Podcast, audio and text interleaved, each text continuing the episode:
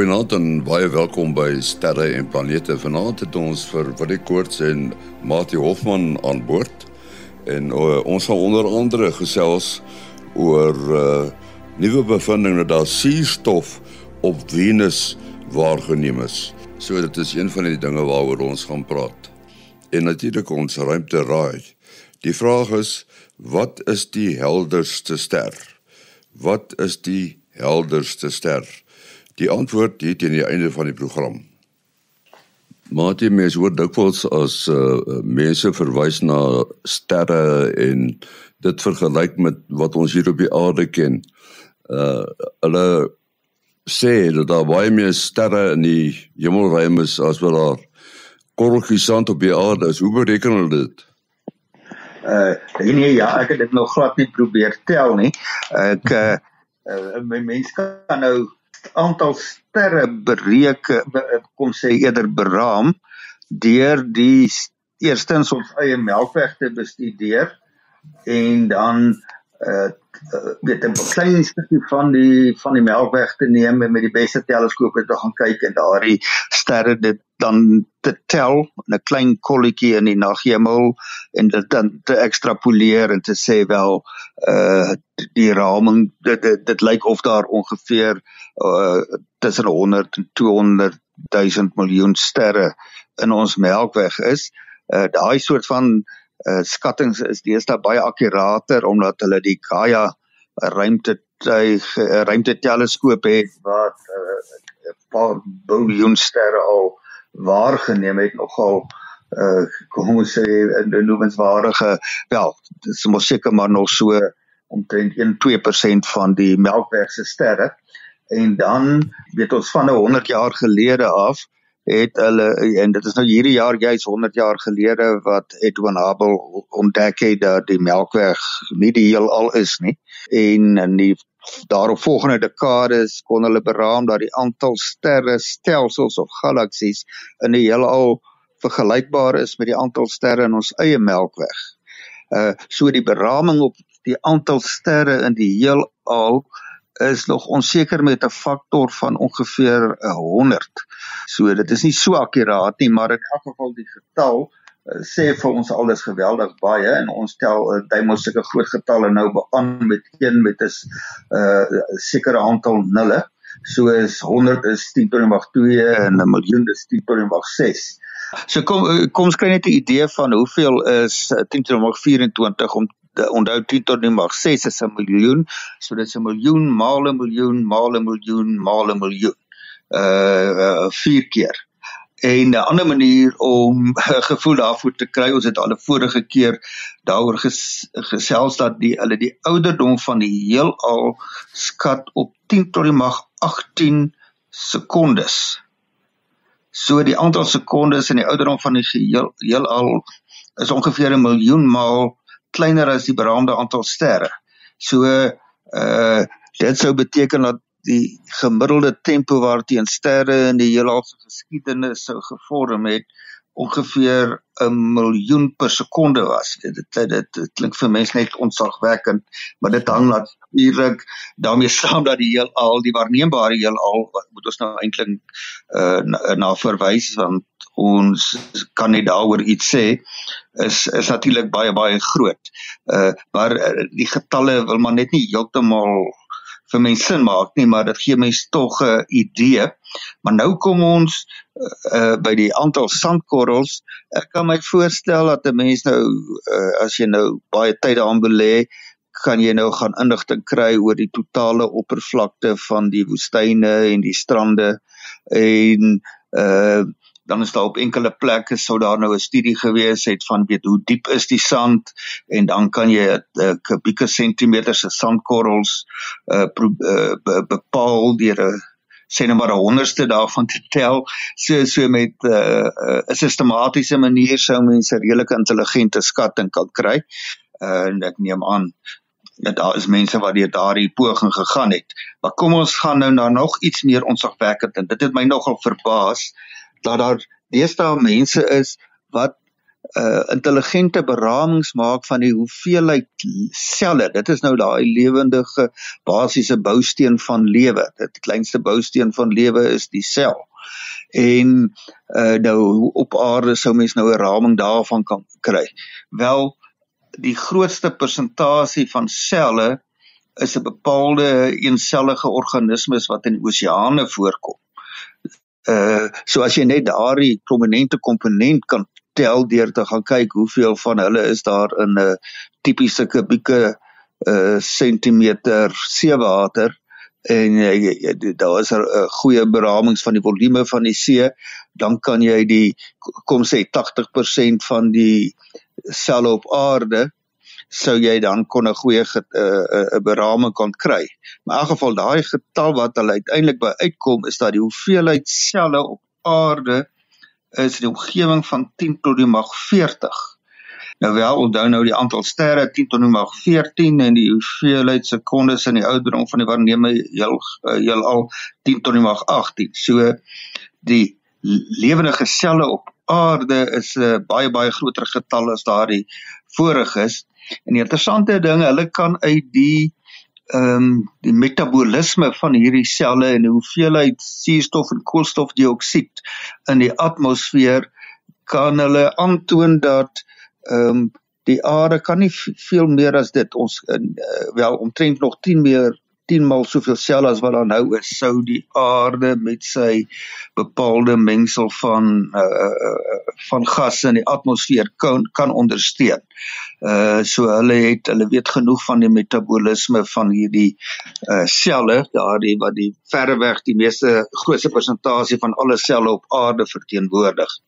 In elk geval die getalle laat mens klein voel, uh maar dit is tog verbasend dat die mens wel nog nie naaste by presies daai uh, getalle daaroor kan sê nie, maar tog al intelligent sonder om heeltemal onverantwoordelik te raai al daaroor kan begin wetenskap doen. Ja, wat mense seker moet onthou is uh die metings en so aan, dit is nou wat ons weet nie. Ons weet nie wat aan die ander kant dit is nie. Dis dis waar ja, ons praat nou net van die wat die selle betref net van die aarde uh en dan van die van die sterre en sterrestelsels praat ons van die waarneembare heelal en uh dit is al klaar baie groter as wat die mense 100 jaar gelede gedink het. Ehm um, ja, so uh, daar was 'n geweldige ontploffing van van wat ons weet van die van die heelal oor die afgelope veral eeu en uh, ook 'n mate van uh, as mens nou verder teruggaan. Mens kan maar basies sê toe hulle die teleskope en die mikroskoop ehm um, dit het 'n geweldige sprong veroorsaak in die mense kennis van die van die makroheelal en van die mikroheelal en die okay die mikroskope bring ons nou by by selle uit die basiese bousteen van lewe die mikroskope bring ons nie uit by die boustene van materie nie die dooie materie daarvoor het mense 'n elektronmikroskoop in uh, so ongeveer amper 40 jaar gelede het hulle begin om mikroskope, spesiale soort mikroskope wat nou nie die wat werk met 'n lens soos wat ons 'n mikroskoop voorstel nie, maar op ander maniere wat individuele atome uh, kan raak sien. Uh en as jy nou wil kom nog verder as atome by die subatomiese deeltjies, uh daar wat in die atoomkern aangaan, wel dan kan ons nou nie meer mik mikroskope werk nie, dan moet hulle met versnellers werk en dan ontdek hulle die deeltjies nie omdat hulle hulle sien nie, maar omdat hulle die effek daarvan meet uh by wyse van hulle massa, hulle energie en hulle lading. En daaruit uh ja, wat nou baie interessant is is dat die aantal basiese boustene van gewone materie in ons alledaagse wêreld is mos nou maar die elemente van die periodieke tabel. En dit is wat die chemie meer mee werk. En dit is net so 'n bietjie oor die 100 uh die die wat stabiel is uh in die natuur voorkom wat nou nie deur uh spesiale kernradioaktiewe uh kernreaksies geskep moet word nie uh so bietjie onder die 100 maar in elk geval in die omgewing van 100 en die aantal uh subatomiese basiese boustene van materie is ook ongeveer uh, 100. Ehm um, dis nou interessant dat uh, daardie getalle nou nodig is om die 5% van wat van massa van die heelal mee te kan uh kan opbou en dan weet ons dan kry ons nou iets wat ons baie minder van weet as die periodieke tabel. Dis nou wat ons ook al genoem het die donker materie die uh, ja die donker materie en die donker energie. En nou hierdie konsepte van donker materie en donker energie is nou weer baie en meer in die soeklig na die ontdekkings die waarnemings met die James Webb teleskoop dit het die mense se uh, amper sekerheid oor hierdie konsepte 'n bietjie deurmekaar gekrap die die, debat daaroor bestaan dit regtig is daar nie ander maniere om die die, die verskynsels wat tot da tot die invoer van daardie konsepte gelei te verklaar nie. Ehm um, ek weet nie wat die uiteinde van daardie debat gaan wees nie, maar dit is nogal heel warm op die oomblik. Uh en die James Webb is nou maar bietjie meer as 'n jaar aan die werk. So uh, ek dink in die volgende 5 of uh, ja, ek raai nou maar sommer 5 jaar gaan ons dalk baie bykomende insig hieroor bekom het. Hoe sê jy hoe meer ons dink ons weet hoe minder weet ons? Willie, ek wil vir jou vra, uh Iranus. Daar's nou 'n bevinding dat uh Iranus het ook uh, sogenaamde auroras, maar dit is infrarooi. Nou Iranus is mos daai planeet wat so anders draai, as ek nou nie verkeerd om nie, maar ek bedoel so op sy sy draai, is ek reg? Ja, dis reg en en eintlik as jy nou kyk behalwe op die aarde waar ons auroras ken ons kan miskien nou nog praat oor hoe hulle vorm maar uh uh sien jy op die meeste van die planete uh, uh Venus, Mars, Jupiter, Saturnus dan nou Uranus wat ons nou praat en, en Neptunus een of ander vorm van van auroras en gewoonlik moet uh die uh, planeet uh, uh, as 'n planeet 'n magneetveld het uh, dan kry jy kry jy auroras. Maar Mars weet ons het nou eintlik 'n baie baie klein uh, magneetveld in indien indien ooit dis hoekom sy atmosfeer verdwyn het. En dan is daar ook ander ander tegnieke en ander um um maniere wat wat hierso uh, in die spel kom. So as ons nou net dink aan ons gewone uh auroras wat ons op aarde kry en ons in Suid-Afrika bly bietjie ver van die pole af om dit nou te kan sien. Um, want dit gebeur gewoonlik nou net naby die pole. Dis nou waar die magneetveld uh inkom kan jy kan jy sê uh, uh dis amper soos 'n staafmagneet so van die noordpool uh, beweeg die uh, magneetvelde op buite om en en kom weer terug by die by die suidpool. Die sonwind, uh, sonwind is nou natuurlik partikels wat die son afgee wat geleide partikels is en geleide partikels as hulle in die omgewing van magneetvelde kom dan is hulle geneig om te van rigting te verander en dan ook halfte te spiraal om die om die uh, uh magneetvelde en en dan uiteindelik by die pole inval. En dit is hoekom ons auroras uh, net naby die pole sien. En dan is daar 'n interaksie met die die boonste laag van die atmosfeer. Laas ek het Stefan vir ons mooi verduidelik van die verskillende gasse wat vir die verskillende kleure gee. Da, dan is daar 'n ander 'n ander meganisme wat as die son wind baie energiek is, dan kry jy ehm um, dan hierdie interaksies op op planete byvoorbeeld soos Mars en so aan ook wat jy uh uh uh wat, wat eintlik 'n ander tipe meganisme is. Nou uh in die infrarooi uh uh dis mos nou maar eintlik hitte wat jy meet nou ja uh Iran is is maar eintlik 'n baie baie koue wêreld maar uh, dan is daar ook uh, um wat hulle nou opgetel het met um met die infrarooi dat hulle kan magneetvelde uh, uh waarneem. Nou Iran is as jy nou jy's nou net gesê het is is interessant want Iranus draai eintlik op sy sy. Hy het heel oorgetip. Maar maar sy net om dit nou nog interessanter te maak, sy magneetveld het so so so Iranus uh, Iranus se se rotasie uh, uh, uh, as dit getip met 90 grade, maar sy magneetveld het getip met 59 sê maar 60 grade.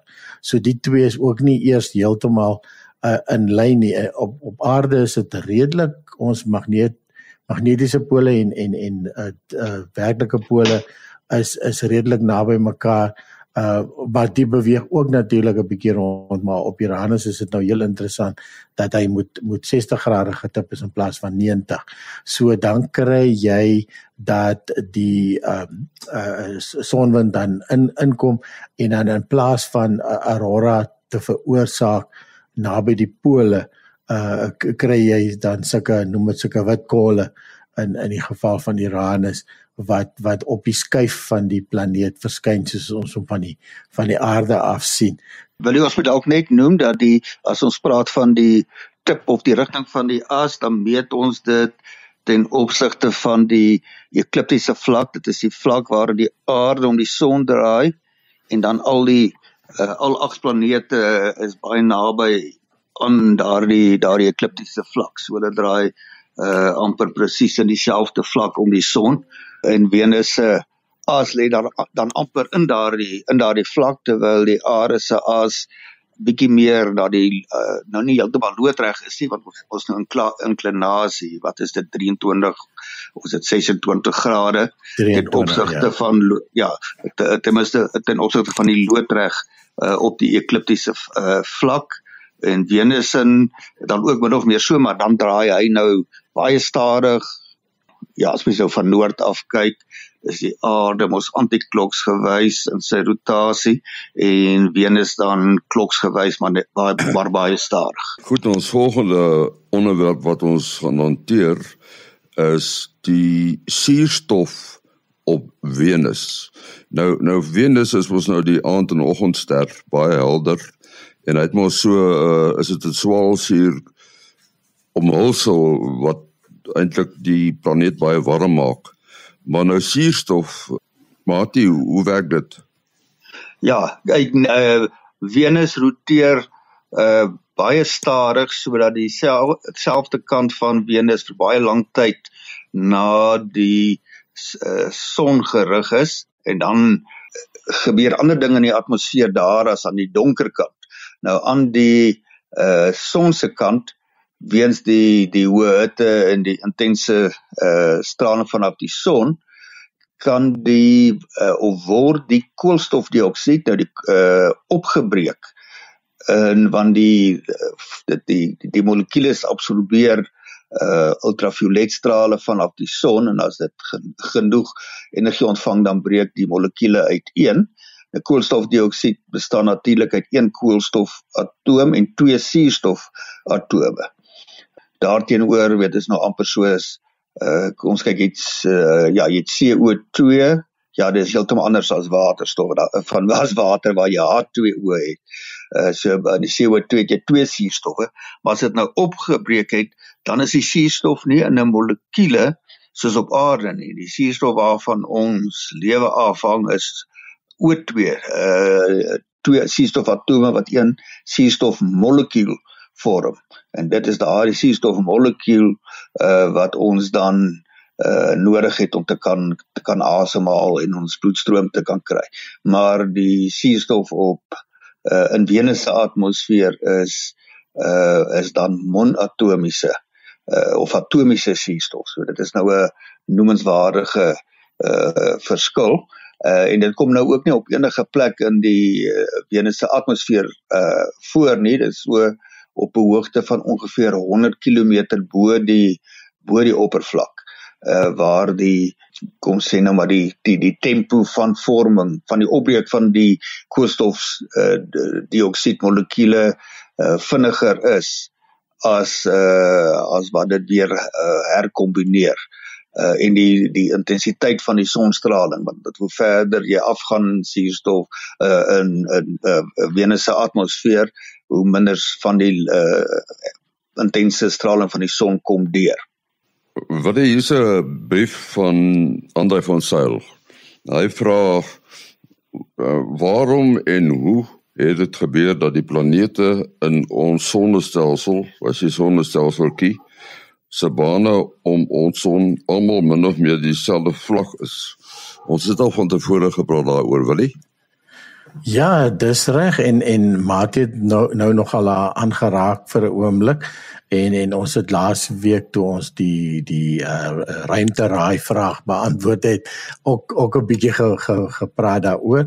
Ja, so die as jy nou teruggaan na die vorming van die hele sonnestelsel, ehm um, het jy begin met 'n met 'n nevel, 'n gaswolk uh wat um hoofsaaklik maar waterstof en 'n bietjie helium en dan nou swaarder metale uh materiale as jy dit sou wil noem en en en jy kan amper dink soos wat 'n wolk vorm die begin goed kondenseer maar soos wat die soos wat die um uh, uh gasse begin in mekaar tuimel begin swaartekrag kry meer gas aantrek en en in die geval meer massa bykry swaarder uh uh, uh, meer swaartekrag ontwikkel ensovoorts. Dan is daar maar altyd 'n 'n 'n rigting waarin alles begin kok. Amper dieselfde soos jou bad se kraan wat uh, 'n uh, uh, se prop wat uitloop en en begin 'n kolk vorm baie dieselfde. Uh uh in in ons gaan nou nie noordelike en suidelike halfrond verskillende rigtings bespreek dit is 'n ander storie maar so jy het 'n natuurlike rigting van soos wat goed begin intuimel en en dit wil sê alles in die, in dieselfde vlak uh, uh om dieselfde rotasie van die son uh en die rotasie van die planete is almal alles in dieselfde rigting en dan ook in die in dieselfde vlak. Hulle in die in die in die uh, uh, uh fancy taal praat hulle van die die behoud van hoekmomentum en dit is dit is dan uh, en soos jy goed inval uh, kry hulle spoed soos die ballerina arms intrek en en dan vinniger begin draai. En dan ehm um, en as dit ook interessant, ons het nou gepraat van die rigting wat die planete draai. Ehm um, en eintlik as jy nou mooi gaan kyk, ons sê nou Venus draai verkeerd om en Uranus op sy sy. Uh ehm um, maar as jy nou uh, as jy jou regterhand uithou en jy hou, hou jou duim uh soos soos soos wat jy uh vir die vir die mense sê ek is ek is ek is okay in sleg Afrikaans. Uh uh dan krul jou vingers uh die rigting wat jou vingers krul is dan dieselfde jou duim wys noord en en uh, uh, uh die die as van 'n planeet en dan die rigting wat jou vingers krul is die is die rigting van rotasie. Dis soos die aarde draai as ons van bo af kyk dan dan draai antikloks gewys. En uh as jy nou jou jou duim onderste bo hou, uh, dis soos Venus draai. So Venus draai nog steeds in dieselfde rigting relatief soos die ander, maar hy het net sy as net omgedop en en Uranus en wat na ons toe wys en en uh, selfs uh Pluto wat heel op sy sy draai is en en dan ook die die asteroïdes uh as jy nou kyk na Ceres ook die dieselfde rigting ek het laas week op ons uh, Facebook uh, groepie Henny Maas en sy ruimtespan het ek uh, sommer so 'n oulike animasietjie gesit wat ek raak geloop het wat wat dit presies wys. So eintlik wat gebeur het natuurlik intussen is van die planete het gebots en en hulle noem dit nou maar omgestamp dat hulle nou in die, in die verkeerde rigtings uh draai maar of nee, nie verkeerde rigtings dat hulle asse in die verkeerde rigting wys maar hulle draai momentum is nog steeds in die in dieselfde rigting. So uh, ja, so dit gaan maar eintlik terug tot die vorming van die uh van die sonnestelsel. Nou kom ons by ons ruimte raai se antwoord. Matie, wat is die antwoord? En nie as mens nou uh vinnig uh, wil uh, dink en jy dink jy is slim dan sal mens nou sê wel die helderste ster ehm um, ja dit is mos Sirius maar mens moet nou uh daarom net die son ook in gedagte hou die son is ook 'n ster. Uh so van die aarde af gesien is die son beslis by verre die helderste ster maar normaalweg bedoel ons nou maar as mens van die helderste sterre praat dan bedoel ons nou sonder om dit te sê uh buite die son en dan is Sirius die helderste ster en uh omdat dit die helderste ster is, is dit nie te moeilik om te vind nie, mens moet net weet waar en wanneer om te kyk. Uh nou Sirius is vir ons in die uh in die somer die ster wat ons redelik maklik kan vind want ons is nie geneig om na die sterrehemel te kyk in die middernagtelike ure uh of baie vroeg in die oggend nie want dan slaap die meeste mense. So op die oomblik vir die binneland kom sê nou maar die uh lengtegraad van Bloemfontein kom Sirius 9 uur net na 9 uh, ja net voor 9 uur uh in die aand onder net so bietjie uh uh bietjie noord uh van oos. So as dit nou 9 uur vir Bloemfontein is en dan bedoel ek jy behoort om daar op die horison kan sien as daar nou nie uh, uh wolke is nie. Daar ver in die ooste van die land is dit ongeveer 'n uur vroeër, so hulle sou al van 8 uur af uh, kan kyk of hulle Sirius die helderste ster in daai rigting kan sien en in die uh, Kaapstad is dit dan nou uur uh, ongeveer 'n uur later hier by by 10 uur. Uh, en Sirius is een van die naby sterre, nie die naaste ster nie, al vertoon hy dan nou die helderste.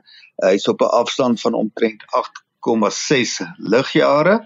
Die naaste ster uh of stergroepie daar by Alpha Centauri is uh, net bietjie meer as 2 maal nader. En so dat seker Sirius is so ongeveer een van die 10 naaste sterre. Uh maar sy uh, sy massa is 2 maal die aarde se, maar hy's 25 maal helderder wat sy uh as jy nou op dieselfde afstand sou kon wees as wat ons van die son af is, dan sou wel ons sou nie op daai afstand kon oorlewe nie. Maar in geval so dit is nou interessant en wat ook interessant is van Sirius is dat hy ook 'n deel van 'n binêre sterstelsel is. Hulle praat van Sirius A en B en Sirius B is nogal uh, ek weet nie of jy dit geweet het nie Willie is uh, ontdek deur die beroemde teleskoopbouer Alvin Clark op 31 Januarie 1862. So hmm. dis nou uh, wel al 'n bietjie later in die tyd van die moderne sterrekunde en die moderne sterrekunde al klink dit nou nie so nie maar hy het met Galileo begin en om uh, te kan verduidelik hoekom dit so lank gevat het is dat hy 10000 maal dollar as Sirius A. Nou Sirius A is nou maar die een wat ons met die blote oog kan sien. Ons kan niks waarneem van daardie geweldige dowwe uh dowwe sterretjie nie. Mati, terwyl jy aan die gang is, jou besonderhede? uh, Selfoonnommer 0836257154. 0836257154. En dan wil jy is 0724579208 0724579208 en die maas en sy ruimtespan dis ons Facebook bladsy se naam. Kyk gerus daar daar's baie interessante goed. En dan uh, ons e-posadres is sterreplanete by gmail.com sterreplanete by gmail.com my telefoonnommer 0825724170 0825724170. Ons is volgende week terug. Tot dan, alles van die beste.